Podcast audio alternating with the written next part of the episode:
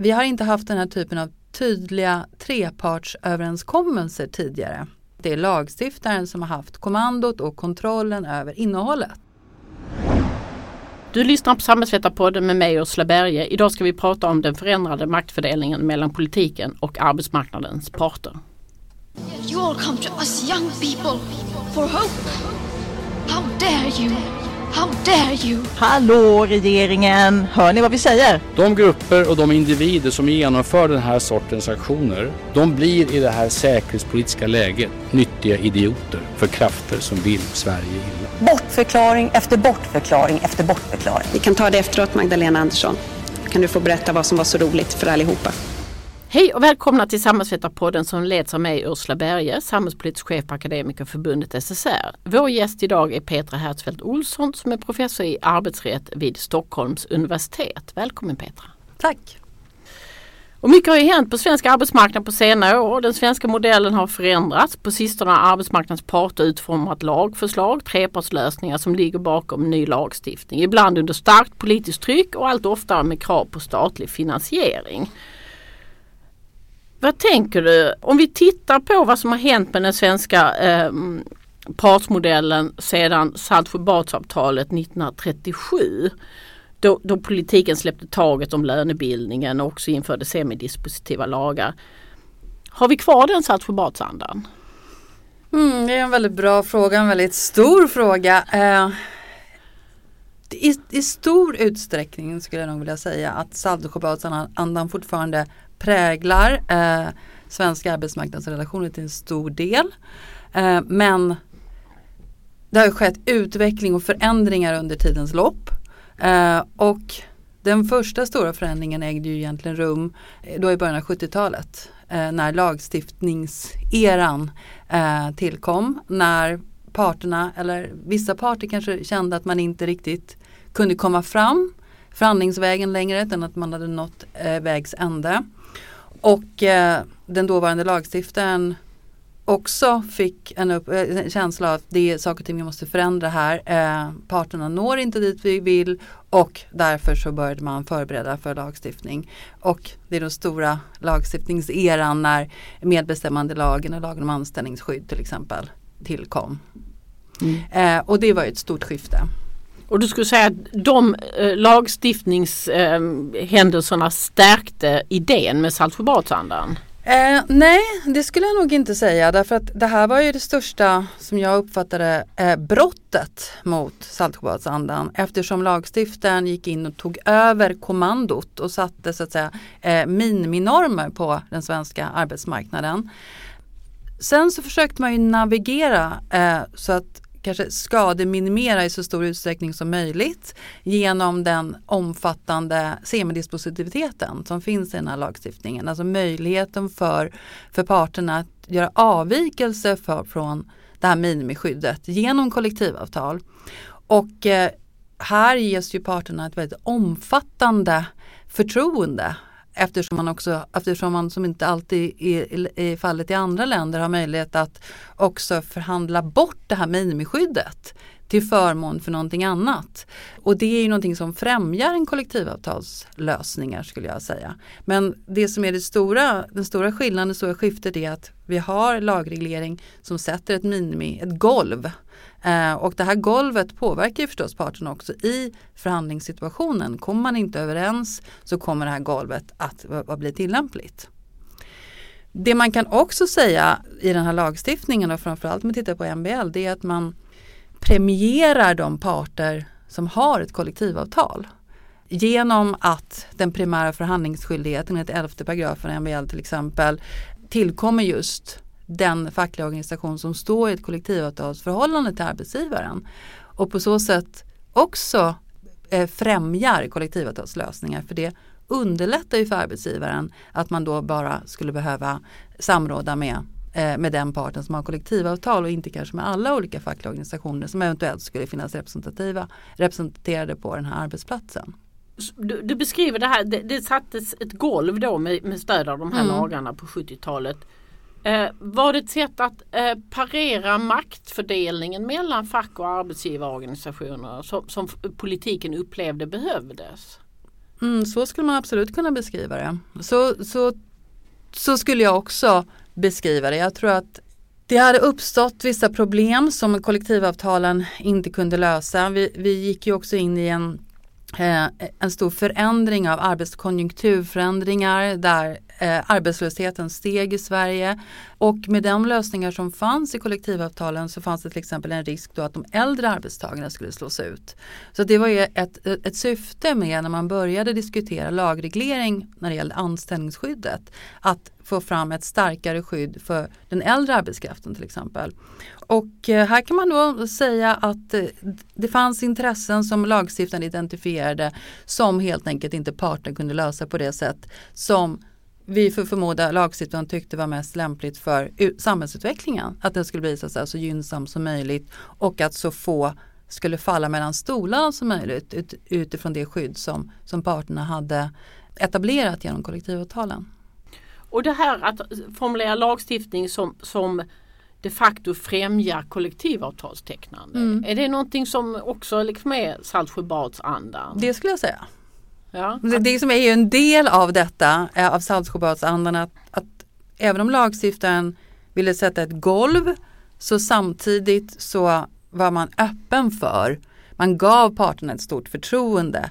Man ville fortsatt se att arbetsmarknaden skulle regleras genom kollektivavtal och man försökte möjliggöra det genom de här konstruktionerna. Så utifrån det perspektivet ja, men samtidigt så tog man ju, eh, man tog ju tillbaka en del av förhandlingsutrymmet.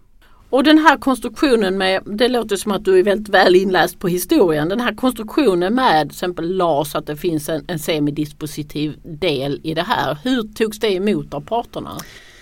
Ja, det fanns en semidispositiv del. Eh, så vitt jag känner till det tog ju såklart emot väl. Eh, men däremot så var ju inte eh, alla parter så nöjda med att lagstiftningen kom till överhuvudtaget.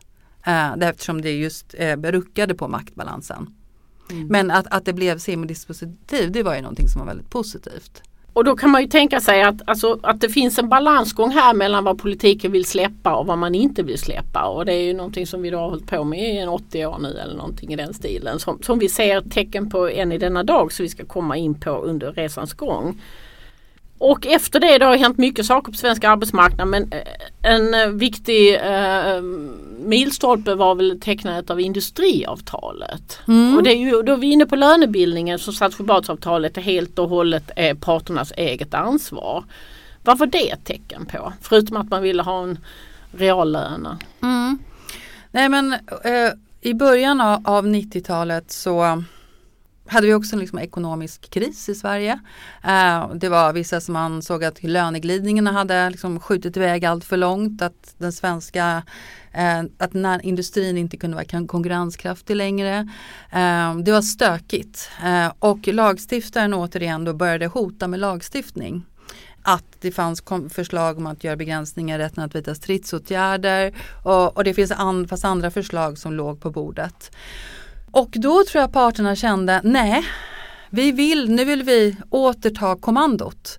Eh, vi, vill inte, vi litar inte på att lagstiftaren kan hantera eh, lönebildningen på ett lika bra sätt som vi kan. Så att industriavtalet var ett sätt för parterna skulle jag säga att ta över kommandot över regleringen av arbetsmarknaden och framförallt då lönebildningen.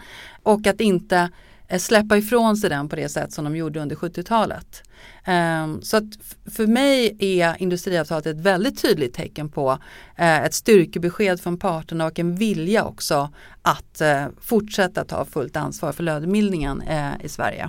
Hur hotad skulle du säga att Saltsjöbadsandan var där? Ja, där, där tycker jag nog, där tror jag också att parterna såg ett, ett, ett tydligt hot eftersom eh, själva kärnan i eh, Saltsjöbadsandan och Saltsjöbadsmodellen är ju att staten överhuvudtaget tittar att det inte finns någon reglering överhuvudtaget när det gäller lönebildningen. Att den är helt och hållet eh, fri för parterna att hantera som de önskar.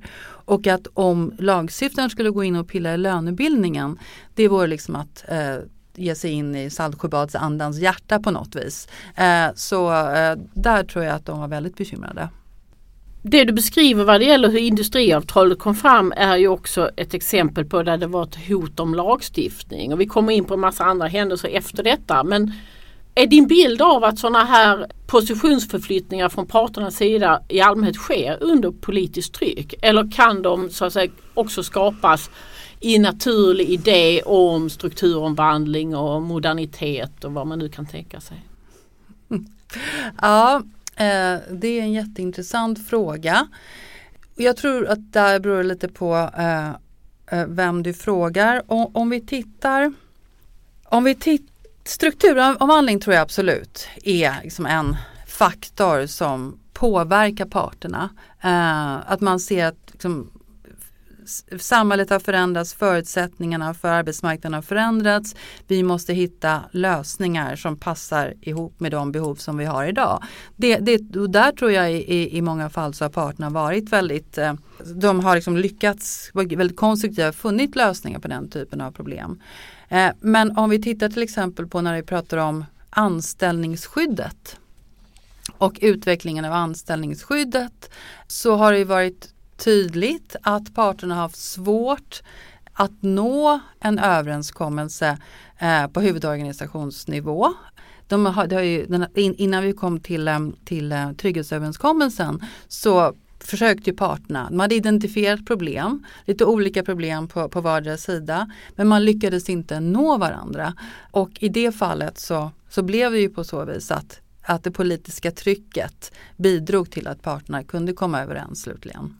Och, eh, ja, och vi, har, vi kommer kanske tillbaka till det men vi har ju sett flera sådana exempel. Men när vi ser på den här utvecklingen så i, i vissa fall så är det ju parterna själva som identifierar ett behov där de behöver stöd av staten. Eh, som också under 90-talet, när vi pratar om korttidsarbete, eh, när parterna kom överens först. Vi behöver en lösning här.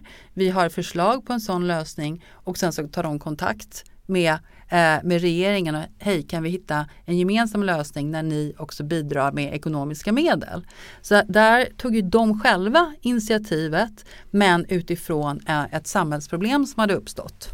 Nej, men jag tänkte vi skulle komma in på det där. För ser man, tittar man på de senaste säg fem åren så har det kommit ganska många olika saker som, som påverkar både den svenska partsmodellen och maktdelningen eller maktfördelningen mellan parter Eh, men också som påverkar så att säga det politiska systemet. Och, eh, bara för att göra några nedslag. 2018 kom den här överenskommelsen om etableringsjobb som i och för sig inte blev verklighet förrän i år på, på grund av att det inte fanns några branschavtal och ingen konnotationen från, från EU var inte okej okay än. Och, och, det var väl det kom ju genereras väldigt mycket av flyktingkrisen, ett, någon form av extern chock eller vad vi ska uttrycka det som. Men sen kom strejkrättsfrågan 2019 och sen dess har korttidsarbetet har ju kommit i olika vågor här, inte minst under pandemin. Och sen har vi den här trygghetsöverenskommelsen. Det här är ju ganska stora förändringar på svensk arbetsmarknad och i den svenska partsmodellen eh, på senare år. Eh, beskriv din bild av den utifrån din roll som, som arbetsrättsjurist. Ja, eh, alltså, jag, jag, tycker att det här är väldigt intressant för att det vi pratade om tidigare, eh, de här andra exemplen som du lyfter fram, vi har Saltsjöbadsavtalet som var ett, ett avtal mellan parterna, inga andra, alltså parternas medlemmar förstås bundna i den mån de anslöt sig. Och så har vi industriavtalet som gäller mellan parterna, dessförinnan har vi lagstiftning. Men, men det som sker här är någonting annat. Vi har inte haft den här typen av tydliga trepartsöverenskommelser tidigare. Utan det har funnits ett väldigt nära samarbete mellan lagstiftaren och parterna eh, när man till exempel har utformat ny lagstiftning och ny lagstiftning har i stor utsträckning hämtat inspiration från kollektivavtal. Men det är lagstiftaren som har, har suttit med pennan i handen, eh, formulerat förslagen och uppdrag till, någon, till, till eh, en utredare som ska komma med, eh, med, med text och, så, och sen någonting som, som, eh, som skickas ut till eh, alla berörda parter för synpunkter. Det har varit väldigt tydligt att det är lagstiftaren som har haft kommandot och kontrollen över innehållet. Även om man har haft ett eh, utvidgat samråd med bland annat arbetsmarknadens parter och även andra intressenter. Men det som, det som har skett nu, de här exemplen som, som, som du lyfter fram, så är det ju då, det har varit lite olika här. Eh, men om vi tittar på etableringsarbete, etableringsjobbet så var det som du sa, man har hittat ett problem. Parterna börjar förhandla, kan vi hitta något sätt eh, som vi kan lösa eh, det här, det här problemet på så att människor långt från arbetsmarknaden snabbare ska komma in och hitta ett arbete? Eh, ja det kan vi, men då behöver vi stöd från staten, ekonomiskt stöd. Så att då hittar man en lösning där det finns tre parter som gemensamt kan komma överens. Men i, den, den ursprunget till det här är en överenskommelse mellan arbetsmarknadens parter. Och som man sen som man har som utgångspunkt för sen lagstiftningen. Eh, när det gäller strejkrätten och, och, och, och, och, och inskränkningen i rätten att vidta stridsåtgärder som gjordes så var det ju det, det är en väldigt speciell eh, situation. Där har vi Göteborgs hamn. Och vi har en så kallad fristående facklig organisation som inte riktigt eh, rättar in sig i ledet. Utan eh, eh, skapar oreda i hamnen eh, vilket gör att eh, stora ekonomiska värden står på, eller, står på spel plötsligt. Och det är ganska högt tonläge när det handlar om vilka ekonomiska intressen som står på spel på grund av den här konflikten i Göteborgs hamn. Och här går ju eh, regeringen in och säger att det här är problematiskt.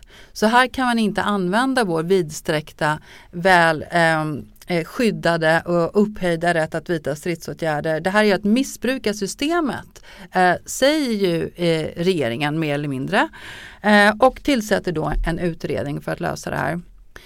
Och då får parterna återigen, som jag uppfattar saken, de, de, det här känns inte bra tycker de, att en utredare som inte har den inblick i partsrelationerna som de har ska utveckla rätten att vidta stridsåtgärder. Utan de tar återigen, samlar ihop sig och börjar diskutera, hitta en egen lösning.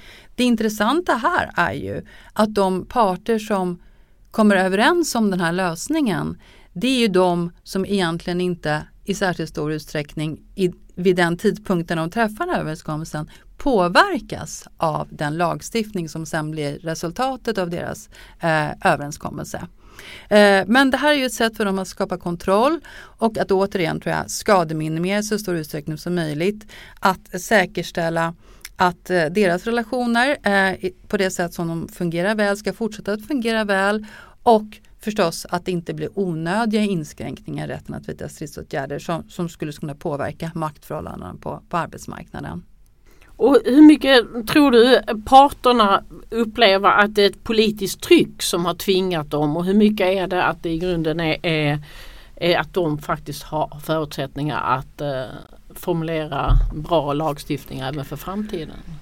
Alltså du menar generellt? Ja just vad det gäller strejkrätten tänkte jag nu. Eh, ja, alltså när det gäller strejkrätten så vet vi ju att det, eh, att det finns ehm, att Svenskt Näringsliv har ju velat få till stånd begränsningar i rätten att vidta stridsåtgärder länge. Det har ju gällt eh, andra aspekter egentligen än de som var uppe här. Det har ju framförallt gällt eh, rätten att vidta sympati, sympatiåtgärder och en vilja att också eh, överväga en proportionalitetsprincip. Eh, det är sånt som har legat på bordet.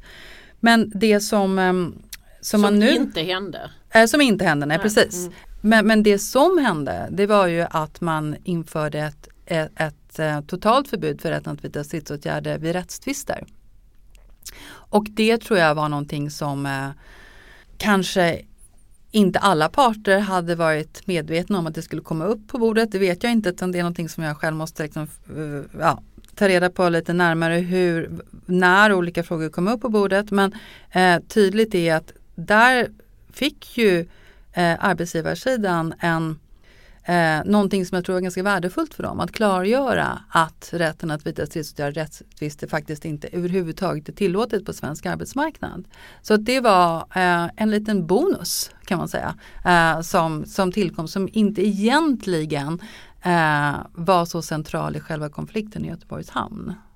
Du nämnde ju det här med vilka, vilka parter det är som sätter sig och formulerar det här nya som inte bara gäller för, för, för deras bransch eller deras sektor utan i, i, i grunden för hela arbetsmarknaden mm. i förlängningen. Och trygghetsöverenskommelsen som kom då förra året är ju ett exempel på det där det var Svenskt Näringsliv och PTK som stod på den första presskonferensen. Mm. Vad det gällde ett huvudavtal och en principöverenskommelse som sen kom att gälla för hela arbetsmarknaden. Hur ser du på det här att det är bara vissa parter som, som är de här initiativtagarna för någonting som sen gäller så många fler? Ja, alltså eh, det kanske inte är så konstigt att det är de parter som uppfattar eh, att det är ett problem, alltså att de har identifierat ett problem på arbetsmarknaden och att de uppfattar det som att de har möjlighet att hitta en lösning, att de börjar samtalet och tar, tar initiativ. Det, det, det tycker jag inte är så, så märkligt och det är framförallt inte märkligt om resultatet skulle bli ett kollektivavtal som bara gällde parterna.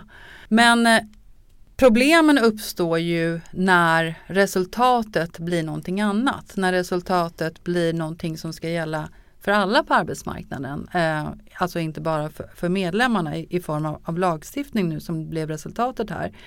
Eh, så småningom så anslöt sig ju andra parter och innehållet modifierades lite grann. Eh, men eh, uppenbarligen så, så, var det så att till exempel den här nya lagstiftningen var inte eh, anpassad för att passa till exempel för den offentliga sektorn. Eller för den statliga sektorn kanske framförallt. Eh, och eh, och det, det, här är ju ett bekymmer att genom att några parter får sitta med pennan i hand och formulera regelverket att man kanske då förlorar aspekter och perspektiv eh, för att täcka in alla de tänkbara intressen som kan finnas på, på, på arbetsmarknaden. Eh, och, och i det här fallet så, så omformulerades ju de här förslagen eh, till lagstiftning som sen remitterades eh, till en bredare grupp. Eh, och i det skedet skulle ju då i teorin kunna varit möjligt att plocka upp de här andra synpunkterna och eh, eh, anpassa den här, det här innehållet till, till de här synpunkterna. Men eh, det tydliggjorde ju eh, lagstiftaren att det var man inte intresserad av eftersom det här var en, ett avtal som inte gick att, så att säga, som var en konsekvens av en förhandling och där man inte kunde rubba på eh, de centrala aspekterna i det här avtalet eftersom då makt, då skulle lagstiftaren gå in och, påverka maktförhållanden mellan parterna. Så mm, Vissa problem var vi tvungna att ta itu med ändå, eh, som när det gällde eh, den statliga sektorn. Och då man, fick man hitta liksom en särlösning för det. Men det finns ju en risk att, eh, att vissa parters eh, intressen och prioriteringar får ett större genomslag än andras i, när man går tillväg på det här sättet. Och jag tänker till exempel det, det, som föregick hela det här huvudavtalet som ledde sen till trygghetsöverenskommelsen var ju att um, Svenskt Näringsliv och LO och PTK hade suttit i flera år mm. och skrivit ganska gedigna underlagsrapporter. Mm. Som jag som har läst både dem och allting efter det kan konstatera att de spelar ju väldigt väldigt stor roll för det som sedan blev mm. lagstiftning. Mm. Så tänker jag bara det att jo men vissa gör jobbet och andra hänger med. Liksom. Mm. Det, fanns ju, liksom, det kan ju finnas en fördel att någon som har mer resurser än andra faktiskt eh, gör ett underarbete som uppenbarligen inte hade kommit till på decennier. Mm. Det var ju ett, ett huvudavtal letar man ju efter i många år. Mm. Det kanske inte var en fråga utan med ett på. Ja, ja nej, men det är också en intressant aspekt i, i liksom själva processen. Precis. Men skulle du eh, skulle du säga att den här, det vi har sett de senaste fem åren, är detta också en del av den svenska partsmodellen som vi förstår den? Stärker det här som har hänt på sistone partsmodellen och eh, liksom makt, eh, en balanserad och hållbar maktfördelning mellan parter?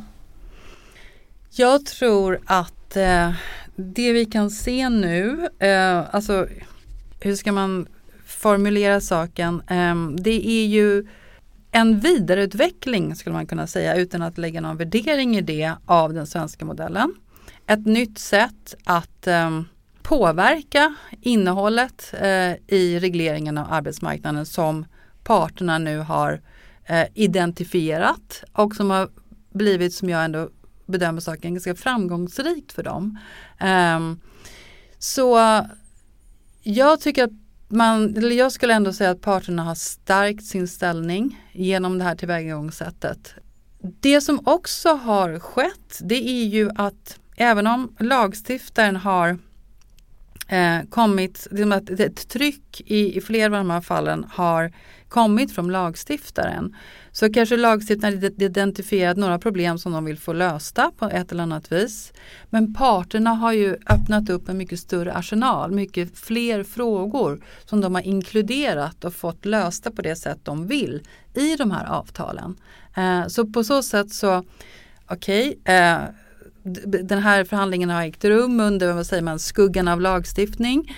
Eh, men parterna har utnyttjat det på ett, eh, skulle jag ändå säga, väldigt för dem fruktbart sätt. Åtminstone så som, eh, som det såg ut när allting så att säga var på plats.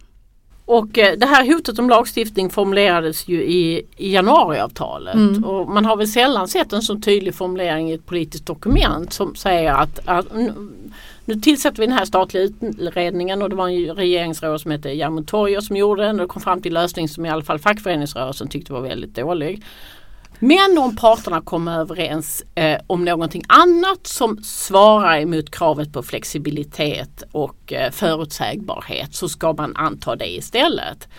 Det var, det var väl en eh, essensen skriven i tre, tre rader i, i en punkt i januariavtalet på hela idén om den svenska partsmodellen. Absolut. Eh, eller Eh, ja, eh, frågan var då hur, hur för att utgångspunkten var ju här att då skulle den här överenskommelsen ligga till grund för lagstiftning. För det hade man ju just lärt sig att så kunde man ju göra eh, genom eh, strejkrättsärendet till exempel och även de här andra ärenden som vi pratade om att man hade hittat en ny form att samarbeta på som jag tror kanske öppnade sig också genom alliansregeringen faktiskt. Eh, att där eh, parterna, det, här, okay, här har vi nu en, ny, en, en alliansregering som säger att det är det nya arbetarpartiet. Nu ska vi ta dem på pulsen här lite, känna dem på pulsen och eh, och de hittade ju då den här nya, eh, genom korttidsarbete, etableringsarbete och allt det här, det här nya sättet att samarbeta på som man sen vidareutvecklade eh, i strejkrättsöverenskommelsen och sen då också satte på pränt i januariöverenskommelsen. Så det är ju också lite spännande att eh, mm. eh, att ett, en, ett, en ny, nytt politiskt klimat kan kanske också ge ny typ av lösningar, vad vet jag. Du får komma tillbaka till det här med att det är bara vissa som har, har, har initierat eh, eh, valda delar av dessa stora reformer. Så sa före detta arbetsmarknadsminister Eva Nordmark i en intervju att hon tyckte att det kanske, om det ska vara långsiktigt hållbart måste man nog fundera på ett sätt med bättre informationsutbyte eller mer involvering av fler parter, fler sektorer än vad som har varit fallet nu till exempel i den sista händelsen i trygghetsöverenskommelsen. Vad tänker du runt det? Jag tänker att det låter klokt. Eh, det låter klokt och jag tror att man måste nog också kanske fundera lite mer om hur man, vilka ramarna ska vara. Det, det känns som att det här har nu skett ad hoc-artat. Man har inte riktigt tänkt på kanske hur man ska säkerställa resultatet långsiktigt, vilket vi kanske kommer tillbaka till. Och genom att Genom att man har valt den här avtalsmodellen eh, så blir det ju av naturliga skäl också ganska statiskt. Det är svårt att göra förändringar i någonting som är ett resultat av avtal mellan några få parter. Men om man är fler vid förhandlingsbordet från början eh, så kanske det också finns mindre behov av att göra några förändringar i avtalet. Att liksom från början så är man, eh, lyckas man plocka in alla de intressen som är centrala att faktiskt beakta eh, när vi talar om lagstiftning och lagstiftning som ska gälla för alla på arbetsmarknaden, inte bara för de som, som träffar den här uppgörelsen. Och om man ska vara djävulens advokat så kan man säga att det är kanske de som förhandlar fram i en snävare krets från början insåg att där skulle man aldrig komma fram i, i så breda sammanhang. För att man har testat det förut? Jag ja, nej jag vet inte heller. Utan eh, det, det är någonting som jag ser fram emot och, och, och, och prata med parterna om eh, och hur de tänkte. Ja, mm. Det finns många spännande människor mm. att prata med där. Mm. Trygghetsöverenskommelsen, det var ju en del kallar den LAS-avtalet, eh, vilket jag tycker är en ganska snäv beskrivning av en ganska omfattande reform. Det här var ju ingången som vi nämnde i januariavtalet. Det var ju flexibilitet på arbetsmarknaden förstått inom ramen för LAS-överenskommelsen. Och sen plussade parterna på att okej okay, om vi gör detta så ska vi också ha det här och det här. Och då kom de här stora reformerna rörande livslångt lärande, omställningsstudiestöd och grundläggande omställnings och kompetensstöd. Det kändes för mig som en ganska udda fågel och ganska, um, ganska smart sätt för parterna att trycka staten framför sig. Uh, vad tänker du runt det som ett sätt att liksom, utveckla den svenska partsmodellen?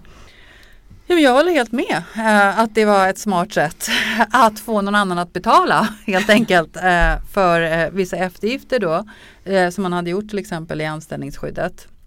Att säkerställa, kanske var det som så och, det här, nu är jag ute på, på djupt vatten men det, det, det, det pris, eller det pris som ett försvagat anställningsskydd skulle ha för arbetstagar, eller hade för arbetstagarparterna samtidigt som det behov som de samtidigt också ville tillgodose kunde kanske inte eh, just, eller det kunde ju uppenbarligen inte, det såg vi ju tidigare på de havererade avtalen eller förhandlingarna, kunde inte uppnås utan att det, det så att säga sköts till medel någon annanstans ifrån.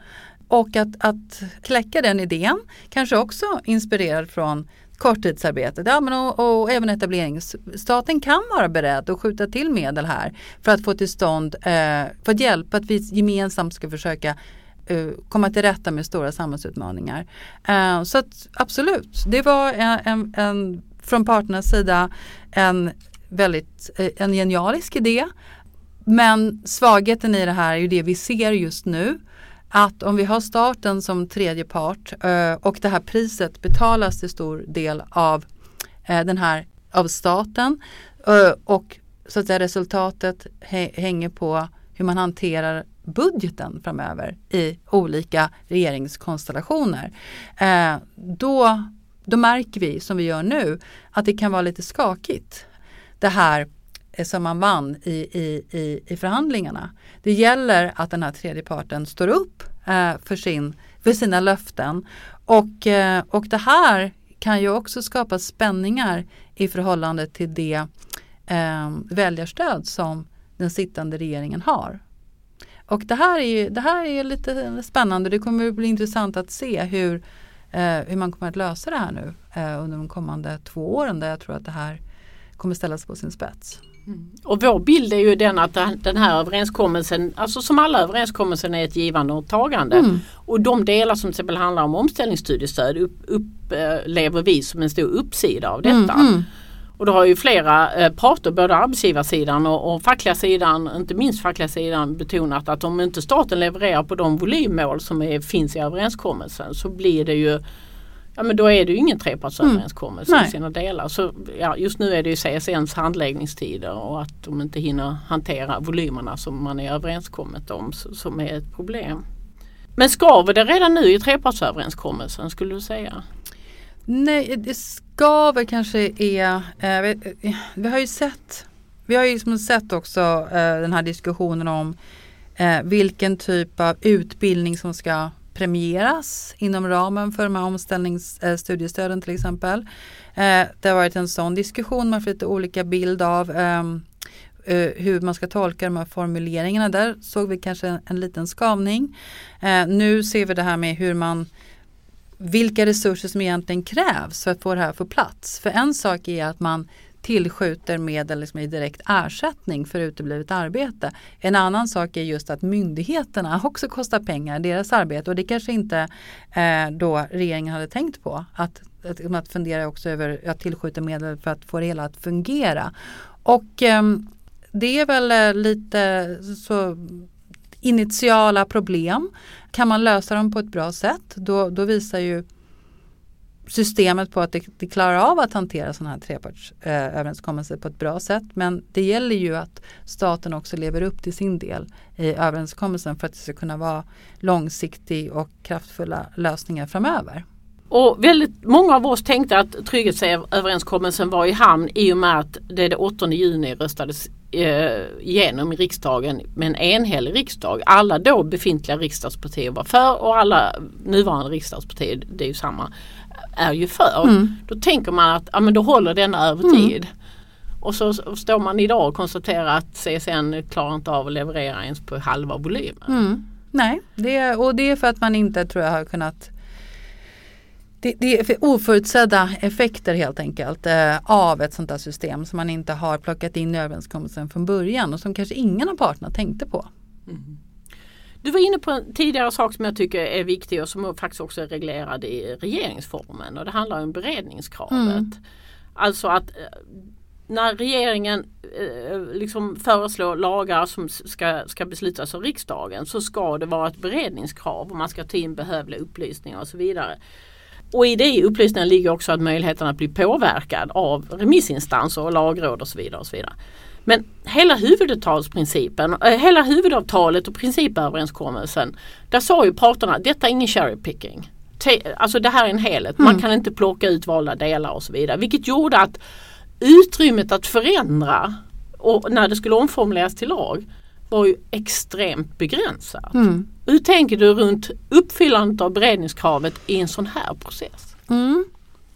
Nej men eh, jag eh, måste säga att jag tyckte att Eh, var lite provocerande. Eh, just så, så som ehm, regeringen formulerade uppdraget till remissinstanserna. Eh, just så som du beskrev det, att eh, det här är ett avtal, det går inte att ge och ta av det nu utan då havererar hela överenskommelsen. Så därför så era synpunkter kan helt enkelt inte ha någon materiell betydelse. Det var liksom det budskap som remissinstanserna fick och det tycker jag personligen är problematiskt. Ehm, Sen så eh, utifrån att ehm, att det ska vara möjligt för alla parter att kunna påverka och sen så ska det vara upp då till regeringen att avgöra eh, vilka argument som framförs som så att säga eh, ger upphov till behov av att förändra innehållet.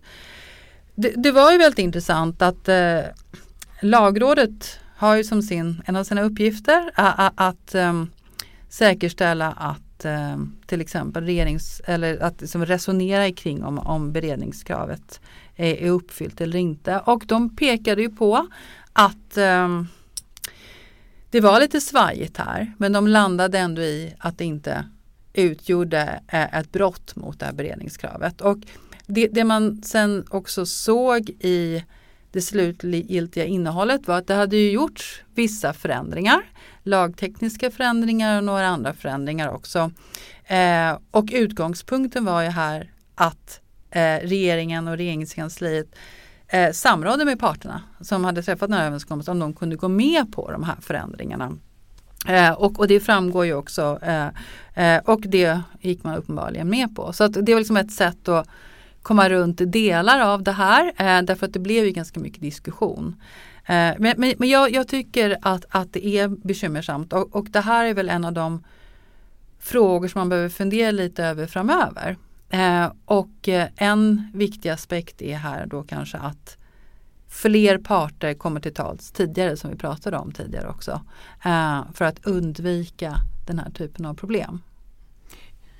En annan del av, av beredningskravet är ju själva utredningsarbetet mm. och det var ju ingen statlig, oberoende statlig utredning utan detta var tre stycken bokstavsutredningar som satt på eh, regeringskansliet. Mm. Och, och där parterna var djupt involverade på daglig basis mm. i det arbetet. Mm, mm. Hur ser du på det sättet att processa fram uh, utredningsunderlag?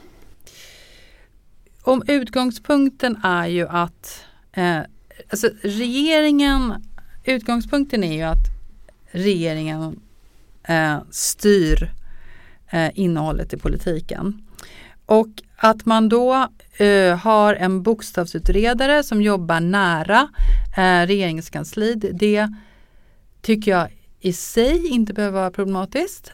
I vissa känsliga frågor eller om det är ont om tid så väljer man att göra detta. Utan det beror på hur man hanterar resultatet av, det här, eh, av den här produkten.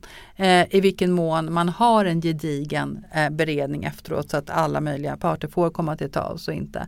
Det här, det här oberoende eh, utredningsväsendet som, som vi har och som vi värnar om.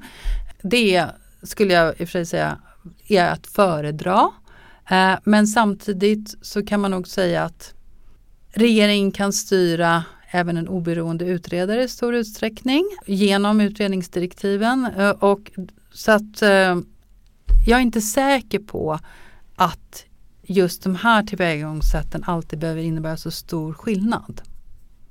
Men, det, men det här...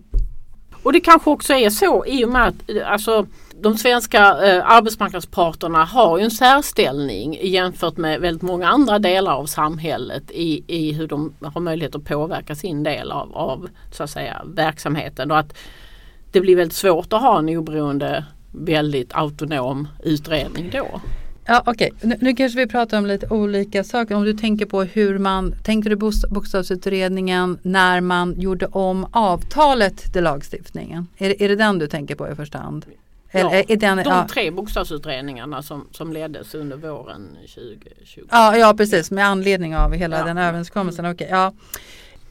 Där, eh, okej, okay. då, då, då jag tänkte mer på andra typer av bokstavsutredare som också det finns ju många bokstavsutredare eh, som får i uppdrag att genomföra olika eh, förslag från regeringen. Men i det här fallet eh, så blev det ju nödvändigt att göra på det här sättet eftersom utgångspunkten var att man skulle hålla sig till avtalet i punkt och pricka. Att det var liksom intentionerna bakom avtalet, och överenskommelsen som skulle så att säga komma till uttryck i lagstiftningen.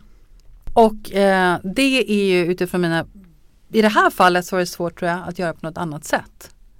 Det är ju här som en del av problemet ligger. Att redan här så är det ju överenskommelsen som, ligger till, som, som så att säga har genomförts eh, med stöd av personer på regeringskansliet och sen tydliggörs att det inte kan ändras innehållsmässigt. Så hela den här processen eh, skapar ju en väldigt stor begränsning eh, när det gäller möjlighet att förändra eller också möjligheten för regeringskansliet att förändra. Och det har de ju själva sagt att de hade inget intresse av det heller. Utan att det var ju själva Eh, det fina med det här var ju att de skulle göra sitt yttersta för att verkligen säkerställa att parternas intentioner fick genomslag i lagstiftningen. Eh, så att i, i det här fallet eh, så tycker jag att det är det finns en spänning i förhållande till, liksom, till de utgångspunkter som normalt sett ska ligga till grund för lagstiftning. Att det finns att, att, ehm, att regeringen helt enkelt har lämnat ifrån sig eh, initiativet. Eh, och ehm, mm, det är någonting nytt eh, och det behöver inte vara fel men man måste vara medveten om vad man gör. Så skulle jag vilja säga. Om vi um, går vidare här. Jag är ju statsvetare i botten och för mig är, är begreppet makt väldigt intressant. Uh, Facket har ju ofta, klagat på sistone att flera av de här initiativen har tagits liksom under ett politiskt tryck som har varit eh, tryckt mer på fackföreningsrörelsen än vad den tyckt, tryckt på arbetsgivarorganisationer. Att det har varit ja, men flexi ökad flexibilitet inom LAS till exempel är ju någonting som arbetsgivarorganisationerna vill mer, ville mer än vad fackförbundsrörelsen ville.